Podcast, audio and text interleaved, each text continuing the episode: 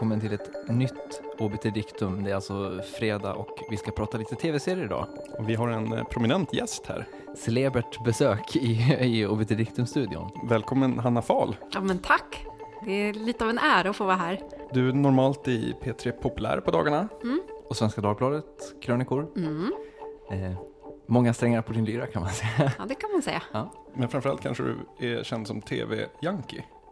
Ja, alltså jag tittar ju så mycket på tv att de flesta inte tror mig när jag försöker förklara hur, hur mycket det egentligen, hur många timmar det rör sig om på en vecka.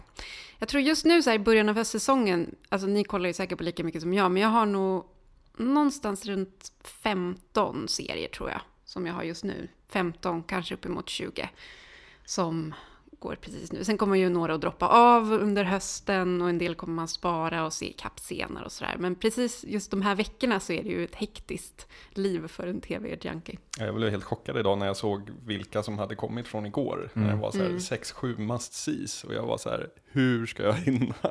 Jo, må måndagar är väldigt hektiska för mig också. Då har jag, då har jag åtta serier som, som, som kommer. Så att då, är- måndagskvällen är liksom vigd att, att titta ikapp. Men det gäller ju att prioritera i sitt liv vad man ska, vad man ska klara av där. Vi kan säga så här att upplägget för dagens eh, avsnitt av Obiter Dictum är att vi kommer nog inte spoila så himla mycket. Så att även om man inte har hunnit se alla, eh, mm, vi kommer bara prata piloter om avsnitten. Eh, av de olika serierna. Och eh, vi kommer nog inte så här spoila detaljhandling kanske, utan det kanske blir mer så här snack om det är bra eller om det är dåligt, det vill säga någon slags vägledning för att alla andra som har de här problemen med mycket tv-serier som kommer ska få lite, ja, Gammal hederlig konsumentupplysning med andra ord. Och de vi ska kommer att prata om det är Boardwalk Empire, det är Nikita, det är Shit My Dad Says, Terriers, The Event och This Is England 86. Det känns som en bra uppställning tycker jag. Bra blandning på genrer. Ja, Ja, sen får vi se om alla serier är bra också. och, så, och se, precis, se om, Punkt, punkt, om, om, om kvalitetsnivån varierar lika mycket som genrerna. Mm. Men vi börjar med Boardwalk Empire. Den har eh, du sett Hanna? Har Jag har du? sett den. Mm, samma här. Ja, jag har också sett den. Ja. Mm. Det, det ju, Vi, vi kanske inte behöver gå igenom vilka som har sett vad, eftersom vi, har, vi har ju faktiskt, eh, ja. Ordet är fritt, Boardwalk Empire. Alltså det här, man var ju jävligt nyfiken på den här serien måste jag säga. Det har varit skitmycket snack om den. Det är ju då alltså HBOs nya sån här storsatsning. Um, ska man säga lite om upplägget kanske? Den utspelar sig på 20-talet i Atlantic City och det är ju när det blir sån här förbudstid, alltså förbjudet med alkohol och sen så Prohibition era. Prohibition era. Och eh, Steve Buscemi spelar huvudrollen, en korrumperad... Ja, vad är han? Jag förstod aldrig riktigt det. Någon sorts Någon ekonomchef på stan eller? Precis, någon fiscal responsible, Ja. alltså en bookkeeper för stan. Typ. Ja. Han, men han är ju kungen för kungariket kan man, kan man eh, nog säga. Han Alltså, drar i alla trådar ja. i den där stan helt enkelt. Ehm, ja, och han blir då inblandad i diverse, diverse olagligheter. Um, ja, Scorsese regisserade första avsnittet. Mm. Och så var även drivande i att, få igenom att serien skulle bli gjord överhuvudtaget, så- Mm. så vitt jag har förstått. Lite av ett kostym, eh, en kostymdrama får man väl ändå säga. Ja, eh, Kanske. Alltså de har ju lagt ner, det känns ju som en otroligt dyr produktion. Det är lite så att man, men det är lite samma känsla som när jag såg första avsnitten av Mad Men, att man sitter och liksom bara, ögonen kan inte slita sig från alla de här detaljerna. Man bara, hur har de gjort? Har de byggt upp en hel, en hel liten stad? Och det är så mycket tidstypiska kläder och skyltar och typ godisar. Allting är så helt perfekt. Men Alltså jag, jag gillar ju inte Mad Men till exempel. Och jag tror att det är mycket för att jag blir så himla distraherad av allt det där. Man sitter och tittar och så bara, "Åh, gud det är så snyggt, hur har de gjort? Och sen bara, men vänta lite nu, vad hände? Kände jag egentligen någonting av det här avsnittet? Nej, det gjorde jag inte. aha. Och lite, alltså jag kunde få lite samma vibb av Boardwalk Empire. Att det var nästan lite så för perfekt på något sätt. Jag. Jo, men jag, jag är nog inne lite grann på samma spår. Alltså det, det, det blir lite, nästan lite så navelskåderi av att man ska så här, frossa i de här 20-tals, den här 20-talsestetiken. Det, det är dolda syltor och det är liksom eh, den här tidstypiska jazzen och, och ja, alla kläder och allting sånt. Um, och jag kan liksom störa mig lite grann på att, att, det, att det hela, i varje, varje bildruta ska tryckas in eh, så mycket ögongodis att man nästan tappar man, man tappar lite grann att etablera en, en intrig eller etablera karaktärerna. Det gör man ju i och för sig ganska bra också i första avsnittet. Men... För, att jag skulle, för mig så är all den här ytan, eh, den räcker någonstans. Jag, jag, behöver inte ha det där djupet. Nu har vi bara, det bara gått ett avsnitt, så eh, vi vet ju inte riktigt vilket djup de tar det till. Men eh, så här att, ja, det dyker upp folk som man kommer känna igen senare i, ur historien när de är väldigt unga eh, och bara är med i förbifarten och man säger aha! Eh, och sådana saker. Jag tycker det, alltså allt det här snygga, jag kan bara sitta och ta in det som någon slags 20-tals eh, som man, man kan sitta och titta på gamla bilder i Life Magazine utan att läsa mm.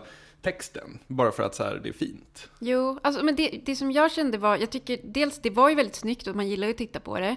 Jag tycker också intrigen faktiskt var väldigt välgjord, supersnyggt ihopskräddad och man var lite förvirrad ett tag men sen så föll det på plats och man, haha just det, så här, gud, bra setup för resten av serien.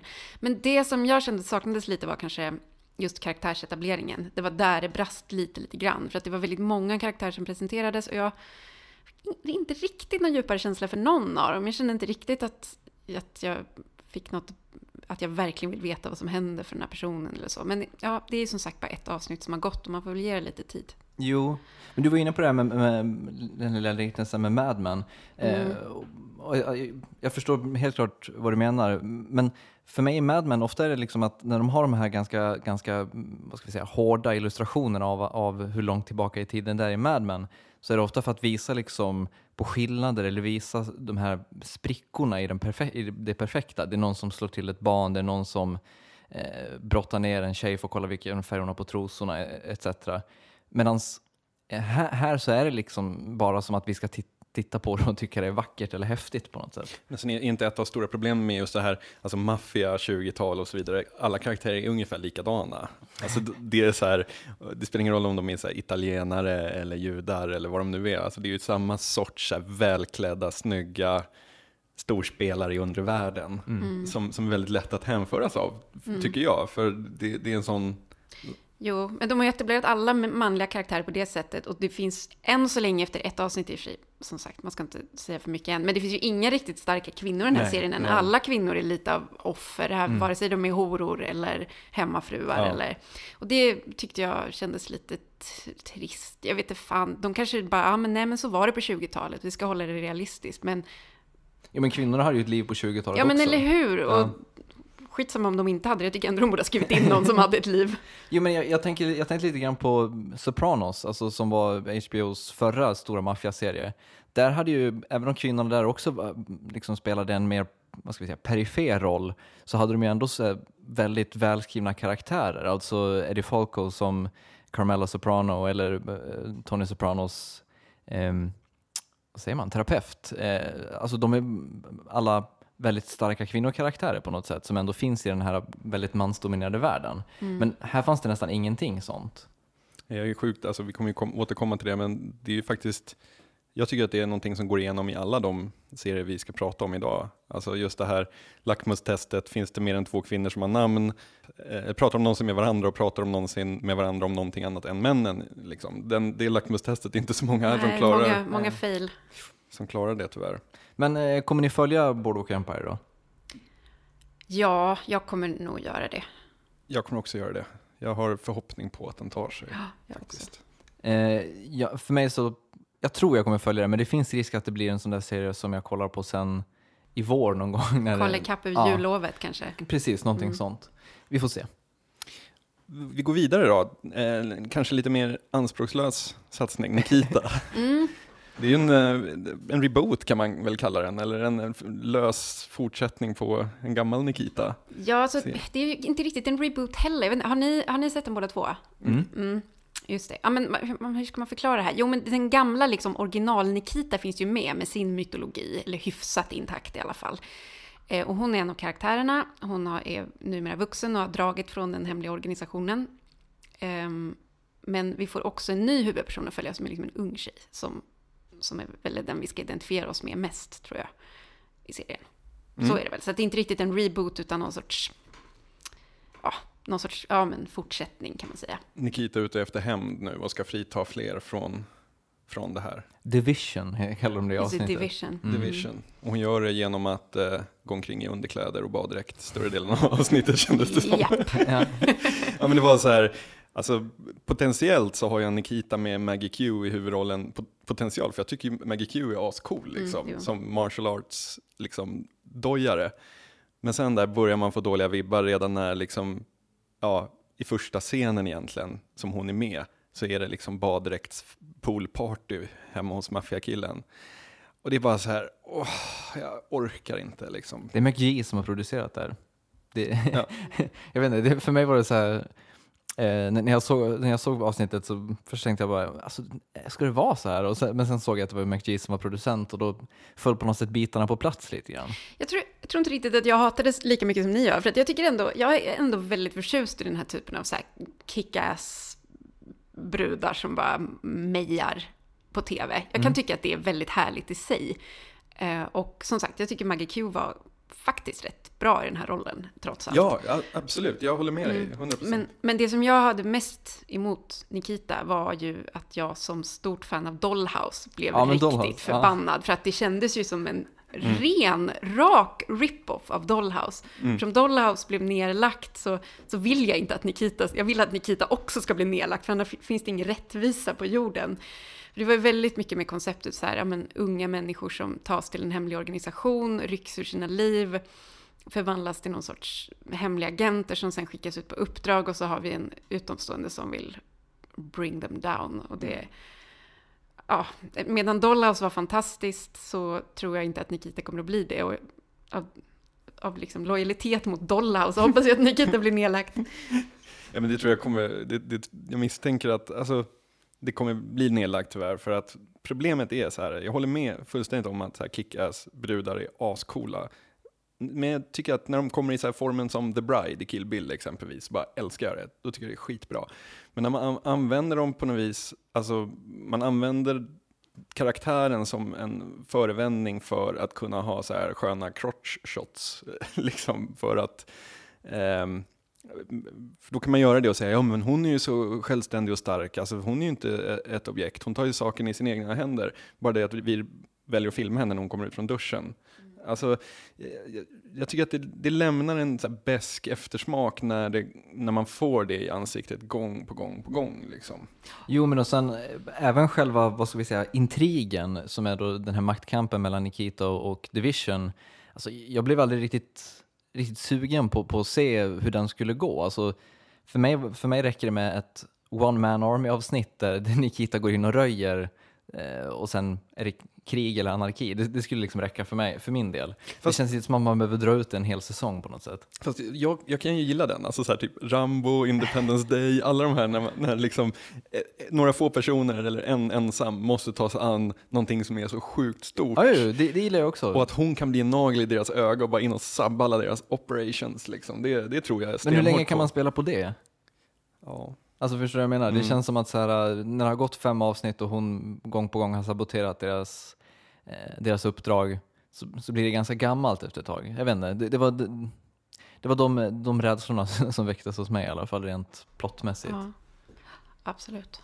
Ja, Dollhouse Riphoffen, den är verkligen eh, det är bra att du flaggar den, för det är ju faktiskt eh, jag måste erkänna att jag inte tänkte på det när jag såg den, men när du säger det så visst. är Ja, det så. var det enda jag kunde sitta och tänka på. Ja, Dollhouse kom tillbaka, Dollhouse kom och tillbaka. de går omkring i de här, så här mjukis träningskläderna och är så här, ja. Ja, Den här träningslokalen överlag gav ju ganska feta Dollhouse-vibbar. Mm. Eh, de skulle konversera med varandra och liksom, det var lite hemligt sådär. Kommer ni fortsätta titta på den?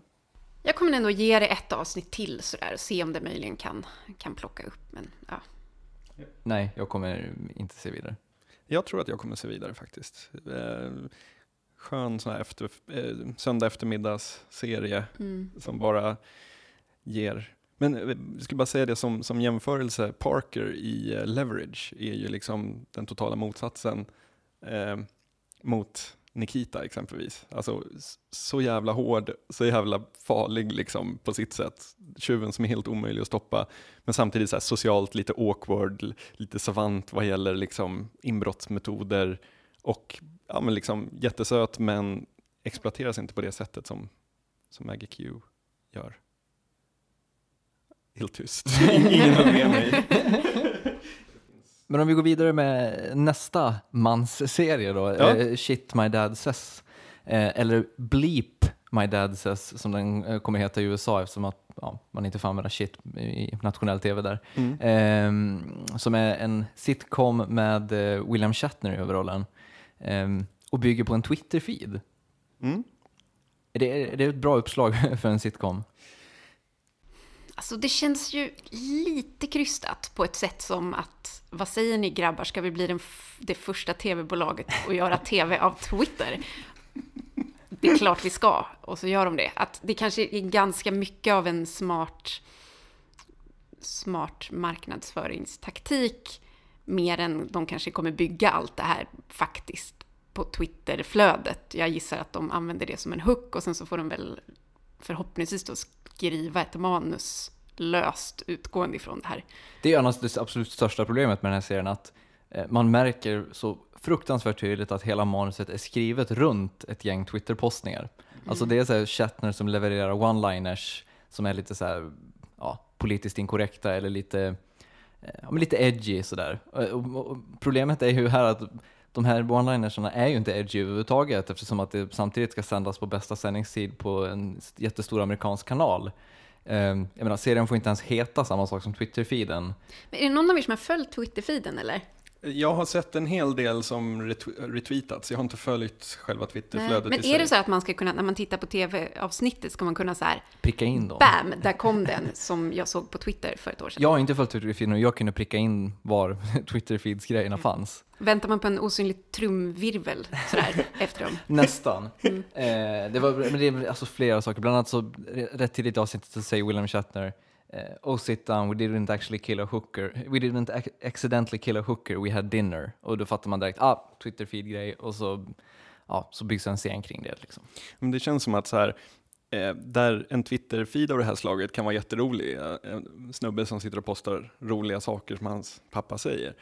Eh, det betyder ju inte nödvändigtvis att det håller för primetime television. Är inte lite poängen med Twitter-feeden att man inte får allt kring sammanhang? Det är roligast när det är lösryckt. Om man då ska konstruera liksom ett helt, en hel Mm. liksom, dialog kring det så kanske man tappar lite av det. Det känns som så här, om man gör, om man gör en bok av en blogg exempelvis, då, det är en helt annan grej. För om jag Mm. tecknar en liten serie som jag publicerar på min blogg, eh, då kan den serien vara eh, kul att läsa även i samlad form.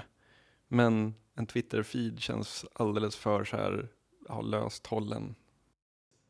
Men det finns ju samtidigt eh, människor som skriver vad ska vi säga, mindre romaner eller någonting i sin Twitter-feed eller har någon slags poesiflöde eller vad man ska säga.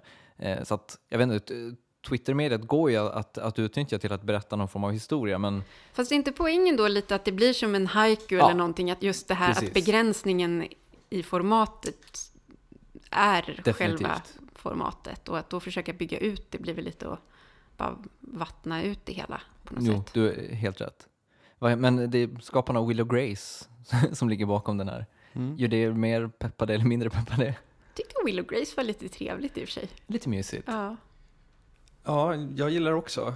Men ändå så får jag dåliga vibbar här. Alltså. ja, men just det här, att, att man har William Shatner är ju ingen tillfällighet heller. Alltså, Nej. då tänker man så här, okej, här har vi liksom en generation av tech-folk som gillar Twitter och Star Trek och då kombinerar vi de två och ser vad som händer. Men han är ju, alltså han är ju Danny Crane fast grinig gammal gubbe liksom. Eh, ja, jag vet inte. Det, det, det, den enda lilla ljusglimten jag kan se i den här serien det, är att man skulle kunna få till en ganska fin relation mellan Shatner och sin son, hans son då, som flyttar in hos honom. Jag kommer inte följa den. Nej, jag kommer nog inte heller Jag kommer inte heller följa den. Det finns väl ganska få så här riktigt bra komediserier. Jag tycker om 30 Rock och eh, Big Bang Theory. Parks and Recreation. Ja, Parks and Recreation, jättebra. Jättebra. Eh, Jag gillade även Community som kom i fjol. Mm. Mm. Och, och även till viss del Modern Family. Eh, så att det känns som att de, fått, de har liksom förmågan att få till en, högst två per år. Mm. Mm. Men det kommer ju alltid sex, sju stycken känns det som. Och så droppar de av ganska snabbt de som inte, de som inte håller helt enkelt. Komedi är ju en sån här sak som den har bara ett syfte, att man ska skratta. Och om det inte är roligt då, då kan man inte falla, alltså en actionserie eller någonting, ehm, så kan man falla tillbaka på något annat. Om, om Boardwalk Empires eh, plott inte håller så kan man falla tillbaka på att titta på miljöerna och så vidare. Men när det bara är för att man ska skratta och så, så tycker man inte att det är kul, då, då ja. Den har laugh track också, vilket ju är ett stort minus med tanke på att de stora, de som vi nämnde nu som har bra exempel, ingen av dem har laugh track. Så. att- Men om vi går in till nästa komedi, Terriers, ja, som väl, myspys, privat deckarserie. ja, Ehm, det är ju ytterligare en serie i den här genren, en manlig duo. vuxna män gör saker tillsammans. Precis. Ja. Ehm, två stycken, alltså jag skulle säga så här om Terriers.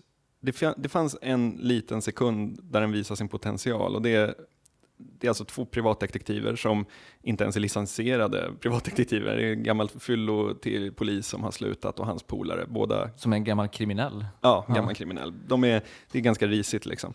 Men sen vid något tillfälle så får de höra av riktiga polisen att det här är för stort för er. Och då säger de, what if we're really big time is just that we don't know it yet. Alltså, där där liksom fanns det en liten glimma som jag kände så här, ja, men det här kan växa till och bli en ganska mysig så här, slå från under, underifrån serie. Men problemet är tonen, att det är liksom, det flabbas åt porr, det är liksom, det är så grabbigt alltså så att jag, ja, jag blev trött. Längtar man inte jättemycket efter en så här, att en sån serie helt plötsligt ska visa sig bli en sån här will they, won't they dynamik mellan de två manliga huvudpersonerna Jo. som Ja. det alltid är när det är en man och en kvinna. Ja. Så går man och väntar i fyra säsonger på att de ska hångla och sen gör de det och så blir det ändå ingenting. Men att det ska bli en sån, alltså tänk om Terriers kunde bli så. Det skulle ju vara helt lysande om man blickar som utbyttes och ja, ja. Ja, Det skulle faktiskt vara helt briljant. Alltså den enda scenen jag har sett eh, flörta det minsta med det, det är ju True Blood den här senaste säsongen när eh, Sam, tror jag var, har, har den här drömmen om, om, om Bill. Och fans över hela världen sa squeak. Definitivt. men, men i USA där de är så extremt måna om så här demographics, att de ska pricka in med tittarsiffror och sånt där. Alltså just det här när man gör den tonen som Terriers har, där det gång på gång är det här liksom lite nedlåtande grabbiga, trots att de är på botten av jävla samhället liksom. Eh, och ändå så tar, tar de, lägger de energi på att- trycka ner de kvinnliga karaktärerna. Varför, alltså varför, alltså, är, är, unga män en sån stor målgrupp i USA att man så här, Att man skiter i alla andra. ja. Men jag tror inte det här är de unga männen. Nej. Jag, tror det här är medelålders männen som är nyblivna pappor som ska se det här för att känna att, de fortfarande, att det fortfarande finns män kvar, kvar i USA, eller vad man ska säga. Jag vet inte. Det finns en scen där, där den enes flickvän berätt, berättat, ja, efter att ha, hon har lagat mat åt de två och står och diskar efter de två så säger hon att hon har jättemycket att göra ikväll därför att hon har ett big test coming tomorrow i hennes veterinärkurs. Och så drar hon någon så här factoid, att visste ni att kor har dåliga tänder för att, ja någonting sånt där. Och så blir det helt tyst och så säger hennes pojkvän så här, Did you know that bears always shit in the woods? Och så börjar båda två så här sitta och skratta åt henne och hon blir så här skitsur. Eh, och den scenen, de När blev- du återberättar den låter det mer som så här deppig diskbänksrealism än som en komediserie. Ja, ja, men liksom när de två är ensamma i bilen så är det skitmysig stämning. Alltså då är det verkligen så här, åh, det här skulle jag kunna tänka mig att bara sitta och liksom titta på. Och de är lite så dåliga, lite klantiga, men, men de liksom går upp mot etablissemanget. Men sen när de beter sig som jävla arslen liksom och just har det här lågpanna, ja, lågpanniga, heter det så? Pannade, lågpannade. Ehm, liksom attityden, ja, jag vet inte, jag, Nej, och det, nog, det känns som att det absolut inte är en tillfällighet att den här serien går på FX, nej. som tidigare har haft så här, The Shield, eh, vad heter den? Brothers of Anarchy, heter den så? Mm. Eh, Sons of... Sons of Anarchy, precis. Eh, och även Nip Tuck, som alla är så här väldigt manliga serier liksom. Mm. Ja, det är synd, synd på så rara ärtor. Skulle man kunna säga. Eh, kommer ni följa eh, Terriers? Ett par av, några avsnitt ska jag ge den. Mm, jag, Fattar är, ett beslut sen. jag är inne på samma spår faktiskt. Mm. Det, det, hoppas att det kan ta sig lite grann. Jag är samma, samma här. Så vi hoppar hastigt lustigt till The Event. Ja, det här är ju en annan av de här superhypade serierna som Mm. alla snackat om. Ni har lost. Det är This is not the event och så vidare. Som hela trailern går ut på. har faktiskt Visa olika skrivit det saker i som min- inte är the event. Jag har faktiskt skrivit det i mina anteckningar. The event, this is not the event. Mm. Som överskrift. Vad ska man säga om den här? Det här är ju liksom så här high concepts, det högsta av high concepts liksom. De har ju bara mosat in, de har ju mosat in helt, alltså helt otroligt många beståndsdelar i det här första avsnittet. Det är ju helt sjukt. Det är liksom, ja men det är hot mot presidenten, det är en man vars liv blir raderat, det är en fästmö som försvinner, det är en hemlig anläggning i Antarktis, det är en mystisk kvinna som man inte vet var de kommer ifrån, det är en, ett kapat flygplan, det är liksom en oförklarlig händelse, det är, de har, man blir lite matt bara av att, av att tänka på det här. Och sen så berättar de ju alltihop i någon sorts så här upphackad memento-berättarstruktur också så här, för tre veckor sedan, 36 månader senare, för fem minuter sedan. Och så är det mer att man ska bli insugen. Men grejen är att jag blev faktiskt rätt insugen. Tyckte det funkar. Jag vet inte, Mm. vad tycker ni? Jag, jag gillade den ju rent spontant där. Jag tyckte wow, det här kan bli något. Men problemet med de här, alltså, de berätt, när de hoppar i tiden så visar de ju också ofta samma skeende fast från olika eh, vinklar, olika syn, syn, synpunkter, synvinklar.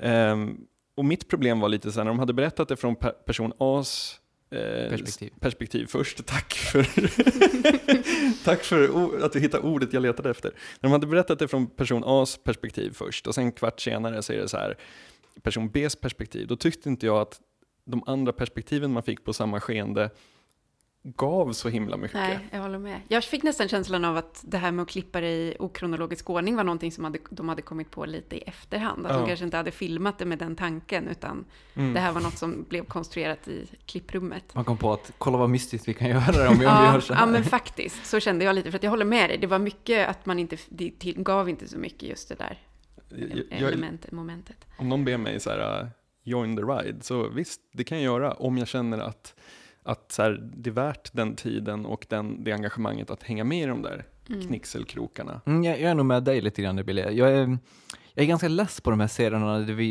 i publiken liksom ska sitta och lägga pussel. Eh, Flash Forward var ju ett exempel fr- från förra tv-säsongen som också hade den här strukturen där vi, eh, där vi i publiken då skulle vara så fruktansvärt engagerade och hålla reda på så mycket olika saker för att i slutändan då få någon stor mästerlösning på, på hela pusslet. Eh, jag vet inte, jag, jag, efter Lost som jag eh, verkligen var investerad i så har jag, har jag inte orkat ladda om fullt ut på något sätt. Jag trivs ganska bra i de, i de serierna jag följer som är ganska linjära och har väldigt tydliga karaktärer, väldigt utarbetad plott. Hawaii 5-0. Ja, men det är en serie Ja. för mig. Nej, men, eh, Nej, men, för jag å andra sidan, jag å andra sidan vill ju verkligen ha en sån här serie. Jag, jag har laddat om efter Lost. Jag är redo. Jag vill ta mig an det här nu. Och jag tycker nog, jag tycker nog att, att konceptet och upplägget i första avsnittet av The Event är aslovande. Jag tycker verkligen att de har lyckats ja, men, lägga ut olika spår och lyckats få mig engagerad. Sen, tror jag, sen undrar jag om de inte kanske över, övergjorde det lite i, Mm. i produktionen av första avsnittet. Men jag är fortfarande väldigt positivt inställd. Jag vet inte, får man prata teorier redan i det här skedet? Ja, spoiler alert. Spoiler alert, spoiler alert. Jag har ju en teori redan klar som ju säkert kommer motbevisas redan i nästa avsnitt. Men jag tror ju att ehm, den här att hemliga forskningsanläggningen, att det är tidsresenärer där. Ah. som hålls mot sin vilja då. Som har, ja, som- som har rest tillbaka liksom till vår tid för att stoppa the event. Ah. Det låter ju, helt plötsligt blir, jag, blir man mer intresserad Jag vet, eller hur? Jag blir skitpepp nu, alltså. När min lilla hjärna klurade fram den här teorin så blev jag också väldigt mycket mer peppad. Men en sak som gjorde mig däremot lite avpeppad, det var att jag läste på, efter, avsnittet, efter att avsnittet hade visats så besvarade skaparna frågor i sin Twitter av, av eh, allmänheten då. Och de tryckte väldigt hårt på det här med att jo, men ni kommer få svar på väldigt mycket väldigt snabbt. Eh, och då helt plötsligt så blev jag istället så här 24 orolig att jaha, det kommer vara en fråga som ställs i det här avsnittet besvaras i nästa och så ställs en ny fråga och så kommer det bara vara ett oändligt mysterium som bara fortsätter och fortsätter och det blir, och det blir mer och mer otroliga frågor och scenarier det kommer säkert inte bli så, men, men det var en, en sorts fruktan väcktes Men i det mig. är ju den där jättesvåra balansen i den här typen Ja. av serier, att man måste kasta åt oss lite köttben då och då, Precis. ge oss lite svar, men samtidigt så får man inte ge alla svar och man får inte lägga ut för många lösa trådar, men samtidigt måste det vara tillräckligt för att hålla vårt... Det är ju helt omöjligt att göra. Jag vet inte någon serie som riktigt har lyckats med det faktiskt. Lost hade ju stunder där det lyckades väldigt bra, men också partier där man bara, men vad fan, den konstiga ninjan i det där templet, kom igen! Så här, var ni tvungna att lägga in det här i sista säsongen? Ja. Så att det är ju skitsvårt att lyckas med och det är ju också helt omöjligt för serieskaparna att veta hur länge deras serie kommer få pengar Mm. och hur, hur lång den ska bli, så det går inte heller att planera det här i förväg, så att man förstår att det är lite av ett omöjligt uppdrag. Men ja, Alltså jag, är, jag, jag inser att jag lät mer negativ än vad jag är när jag pratade om det inledningsvis. Jag är positiv, alltså jag, jag, jag söks också in. Men mitt förbehåll det är liksom att jag ser en skillnad på serier som exempelvis Lost eller Flash Forward där karaktärerna själva inte vet någonting. Vi, de, de har ingen aning utan vi får följa med på deras jakt efter ledtrådar. Jämfört med exempelvis en serie som The Nine som gick häromåret. Det handlar om ett bankrån som gick fel och det var nio gisslan där inne och det var någonting som inte stämde. Och problemet med den, och som det är där jag, den fällan jag ser, kan se The Event kliva i också, det är det att karaktärerna vet vad som har hänt. De har full koll. Medan vi undanhålls den kollen därför att dialogen blir så här krystad att så här, du vet när det där hände, vilket då? Ja men du vet, det där, aha, det där, ja. Alltså, We de- haven't told you everything. precis, precis. Alltså, ja, det är väl det... det är en fälla som är farlig. Ja, det är väl det i The Event vi ska identifiera oss med den här unge killen som jag inte minns vad karaktären hette, som Sean, ja. Sean, just det. Det är, väl, det är väl meningen att vi ska vara Sean och han ska då leta rätt på ledtrådarna. Men ja, jag håller med dig, det är en fälla de kan hamna i. Men samtidigt har de ju visat att han vet. Det, det, det är ett problem då, att de har ju samtidigt visat att han vet saker. För annars så skulle han ju inte gå ombord på det där flygplanet och försöka kapa det om han inte har fått någon form av instruktion, eller, eller någonting i alla fall. Nej precis, det var det jag upplevde just Ja. alltså, så här med, alltså, först ser vi honom fråga om han får gifta, fråga pappan om han får gifta sig med, med henne, vilket också kändes så här, okej, här, här lägger de upp för någonting. Och sen i nästa scen så är han på ett flygplan och ska kapa det. Och problemet är att Och pappan är pilot. Ja, och problemet är att där och då, alltså när jag ser honom i planet vara jättenervös och göra alla de här grejerna, så kan jag verkligen vara så här irriterad på att så här, okej, vi kommer få backstoryn lite senare, men jag vill ha den nu, för jag kan inte, jag kan inte identifiera mig med honom då och där så att säga. Mm, ja, nej, jag håller med. Det är ett problem, men jag hoppas att de, att de Mm. löser det problemet på något Jag kommer säga i alla fall några avsnitt till. Eh, om, det, om, det, om, det, om jag får samma vibbar som jag fick av Flash Forward så kommer jag nog lägga ner. Jag följde Flash Forward ända fram till säsongslutet. Om det här känns likadant kommer jag inte göra det, men, men det kan också bli en sån som man tittar i kapsen. Hur känner ni? Jag kommer ju att följa det nu. Jag är redan, kroken har fastnat i min kind och nu är det bara att följa med Nu bara fiskelinan. hala in. Ja. Ja, jag med, jag kommer följa det helt klart. Den får, den får säsongen ut, så får vi se om den... eh, Men jag såg att den ratade inte särskilt bra på Nej, premiär. det verkade deppigt redan nu. Så att eh, med tanke på produktionskostnaderna Mm. och eh, sådär så... Jag tror att det är fler, fler än mig som är trötta på det här pusselgrejen faktiskt. Jag gillar Fringe där, för där... Och Fringe, underbara Fringe. Ja. Ja, bra. Jag, jag trodde du skulle... Nej, underbara, underbara Fringe. Nej, vi, vi har, vi, jag vet inte, det, får, Fringe är mitt Lost-substitut på något sätt. Mm. Det känns som man behöver en sån detox från allt pusselläggande. Ja, sista piloten vi pratar här. This is England 86, eller 86 får vi säga det. Ja, vi säger 86 tycker jag. Eh, det är alltså en, en vad ska vi säga, vidareutveckling på filmen This is England av Shane Meadows.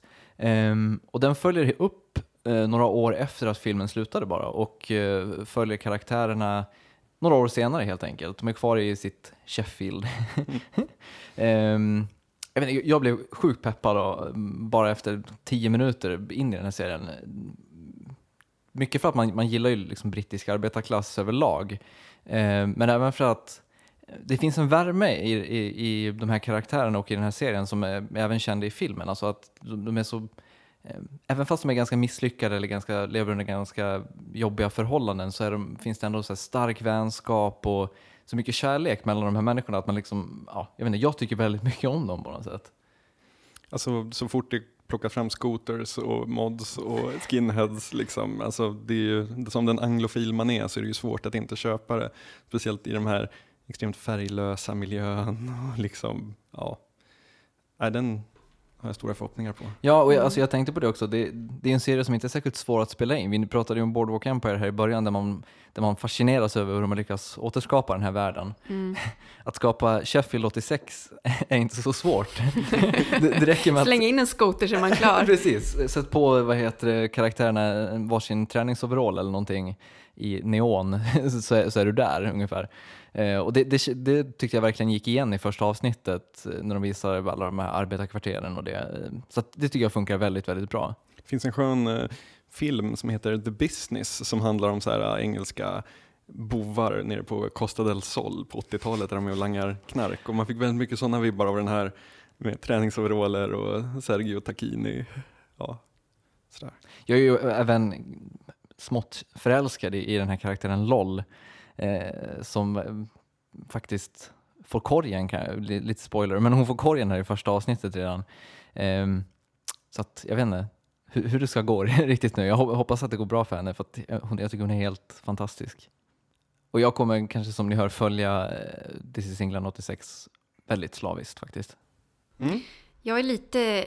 Jag, jag kommer att se den förr eller senare. Jag är inte säker på att jag vill se den så här när hösten börjar mörkna och jag kanske vill ha något färgglatt och inte något grått.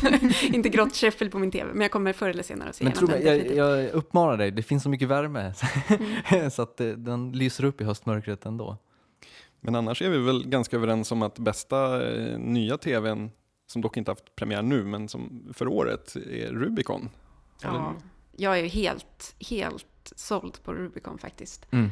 Det är, så, det är så intressant för att jag har läst ganska mycket om den på ja, men fansites och diskussionsforum och sådär. Och det är väldigt många som, som är skitförbannade för att den är så himla långsam. Det är den vanligaste invändningen. Bara, men det händer ju ingenting. Eh, och jag tycker att det är jätteskönt. Mm. Jag älskar att den är så himla, himla... Ja, men det nystas upp så tråd för tråd och det är ingen brådska med någonting och jag känner det är inte ens så viktigt för mig att vi får svaret på det. Är ju en konspirationsserie idag. Det är inte så himla viktigt för mig att vi får svaret på konspirationen ens för att jag är redan jag, jag gillar de här karaktärerna så Mm. mycket nu att jag vill bara följa dem. De kan få sitta där på sitt underrättelsetjänstkontor och pyssla med sina papper och jag kan titta ändå. Nej, jag gillar även, ja, även den grejen att när man väl får någonting, alltså något svar eller någon form av ledtråd, så görs det aldrig någon stor grej av det heller. Utan eh, antingen så liksom snackas det bort lite grann eller, eller så är det bara någonting som händer och som man själv sitter och tänker på snarare än att eh, karaktärerna gräver ner sig i det och liksom, man, man slår inte på med stora stråkarna och, och, och vill att det ska bli, få, få, få ett maxeffekt av det. Liksom. Jag, vet, jag gillar det väldigt mycket. Och sen just det här att det inte är pusselläggande. Alltså man kan intressera sig för konspirationen, men precis som du säger så är det ju liksom, ja, om de sitter där och pysslar och vi får följa med på resan så go ahead. Mm. Ja, och det var ju som Jan Gradvall eh, skrev på sin Twitter också, att han älskar Rubicon för att det är så mycket papper. Mm, det är ju det. Det är inte så mycket datorer. De får en, en mapp med lite olika Precis. foton och några utskrifter och så ska de lägga pussel med det där. Och när man ska hitta konspirationerna, då är det liksom korsordet i tidningen det finns, inte ute på någon eh, databas någonstans i Sibirien eller någonting, utan det, Mm. jag, inte, jag tycker väldigt mycket om det. Man gillar ju också att den här, eh, ja, det är en government agency som för en gång skulle är så himla oglassig. Det, som, det känns som mina jobbkorridorer, deppen, en himla plastmatta och en ful byggnad med deppig utsikt och så sitter de där kring något slitet bord med fötterna på Och gnäller över munkarna. Liksom. Precis, Ja. och det, det är väldigt befriande. Det är liksom så himla långt ifrån hela ja, men 24-estetiken eller... Ja, och jag tror att det är ganska nära så som det faktiskt ser ut på en vanlig så think tank som det här väl är. Eh, jag, vet inte, jag tycker väldigt mycket om Rubicon, det är min nya favorit. Vi är helt, vi kan, nu talar jag bara med för mig själv, men ni kanske håller med. Vi är jävligt trötta på de här eh, transparenta touchscreensen som de jobbar med i CSI. Och, Framför gamla hederliga kulspetspennor på en Precis. kollegieblock. och ser man på framtiden så väntar ju också i höst, eh, nu står det stilla, zombie, zombieserien. The Walking Dead. The Walking Dead, tack! Mm. Eh, det, den ser jag ju sjukt mycket fram emot. Jag Ja. tror det kommer bli, vi länkar till eh, trailern för den på, på vår blogg oddpod.se så kan ni kika där för det ja, Ja, det, jag ser också väldigt mycket fram emot The Walking Dead. Jag med. Magnifik trailer faktiskt. Ja. Den lovar mycket. Då har det blivit dags för veckans postskriptum och den här gången tänkte vi inte tipsa om någon länk eller någon läsfärt utan vi tänkte nämna varsin tv-serie som många kanske har missat. Och jag tänkte börja med den nedlagda höjdaren Harsh Realm. Finns bara i 12 avsnitt men eh, det är 12 riktigt, riktigt bra avsnitt. Det var den serien Chris, Chris Carter gjorde efter Millennium och den var lite för komplicerad för folk att hänga med i så de fimpade den. John Locke har en pro- prominent roll. Mycket bra. ja. eh, och jag tänkte eh, lite grann med, i anknytning till naturdokumentären vi pratade om förra veckan tipsa om en serie som heter Kosmos av eh, Carl Sagan. Det är hans eh, vad ska vi säga, flaggskepp i hans tv-produktion eh, som ja, avsnitt för avsnitt går igenom olika delar av vårt universum på ett både poetiskt och vackert och fantastiskt sätt på alla vis. Och jag vill tipsa om Wonderfalls.